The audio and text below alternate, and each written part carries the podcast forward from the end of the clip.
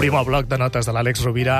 Àlex, molt bon dia, benvingut, ben retrobat. Molt bon dia, Gaspar. Aquesta setmana volem parlar una mica de l'esperança, perquè ara que hi ha aquests que en diuen des de Madrid brotes verdes, en què sembla que hi torna a haver esperança en què les coses aniran millor, és més fàcil apuntar-nos en aquesta esperança col·lectiva i ja veiem com si diguéssim més somriures interiors, no? D'acord. No tots els que caldrien, perquè hi ha molta gent que ho està passant molt malament encara, però bé, hi ha algun somriure interior, com a mínim, perquè hi ha una esperança en el futur, encara que no sigui a curt termini, a mig termini.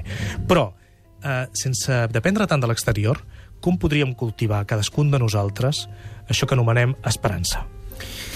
Um, no, no, parlaré de l'objecció de que estem sortint de la crisi. Ah, d'acord, exacte. Vull dir que tu ja... Sí, no, sí, sí. No, Va, es, va. estem sortint d'una segona recessió, però estem instal·lats a la crisi i això tardarà anys. Ens concentrarem en l'esperança. I, I quan t'escoltava fent la introducció, um, em venien al cap dos autors, perquè al final l'important és que donem eines i referències i bons llibres, bones lectures a, a, als amics que ens, i amigues que ens escolten. No?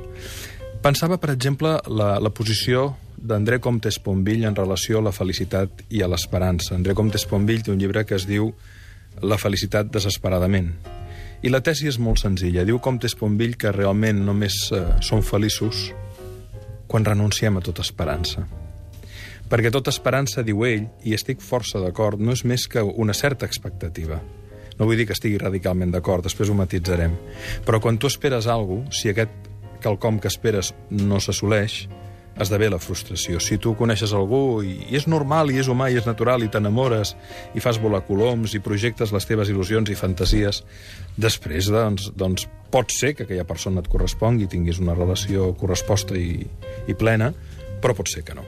Per tant, una postura, una postura, si vols, eh, molt basada en, en, en, la, en, en la raó i en el sentit comú, i no, no apel·lar a l'emoció, molt freda, però de vegades, si vols, molt estoica, és som feliços quan no esperem res. Amb una altra línia, l'esperança, en general, l'optimisme, la fe, no s'ancora en el raonament, en la raó. És a dir, quan tu constates la realitat i tota la ignomínia que ha generat aquesta estafa que se'n diu crisi, és difícil tenir esperança perquè els que l'han perpetrat no són a la presó ni han pagat el preu ni han tornat els calés que han robat. Em refereixo als directors d'entitats financeres o de caixes o alguns polítics. Per tant, l'esperança no s'ancora en, en, el, en la raó, sinó que s'ancora en la voluntat. I voluntat ve del llatí volere, que vol dir estimar. Tota esperança neix de l'amor. I aquí hi ha un altre referent, que és el doctor Viktor Frankl. Quan ell volia convocar un anclatge a l'existència en algun dels seus pacients, que l'anava a veure desesperançat completament perquè li havien pres tot allò que estimava, li havien dinamitat la casa, incendiat el negoci després de la Segona Guerra Mundial, després de l'Holocaust, recordem que era un metge d'ascendència jueva, ell els interpel·lava amb una pregunta fonamental i era vostè per què no s'ha manllevat la vida, vostè per què no s'ha suïcidat, vostè per què segueix viu, amb un propòsit, i és que aquella persona trobés un anclatge emocional que l'ajudés a tirar endavant. El que ens ajuda a tirar endavant és l'esperança de l'alegria i de l'amor.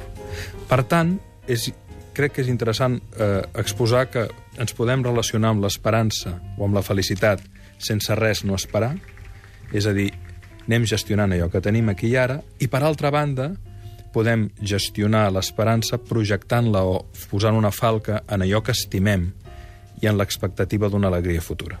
El bloc de notes de l'Àlex Rovira. Àlex, moltíssimes gràcies per haver tornat al programa. A tu, com Diu- sempre, Gaspar. Que un tinguis plaer. una molt bona setmana. No sé si esperançada o no, eh, perquè, perquè tu vius molt al present. Eh? Sí, i, tam i també tenim elements d'esperança. Sobretot, jo, quan, quan em parlaves d'això, pensava en els meus fills. És a dir, no podem renunciar a l'esperança i a l'utopia, especialment per a aquells que estimem i que venen amb nosaltres. Gràcies, Àlex. Moltes una gràcies. abraçada. Una abraçada.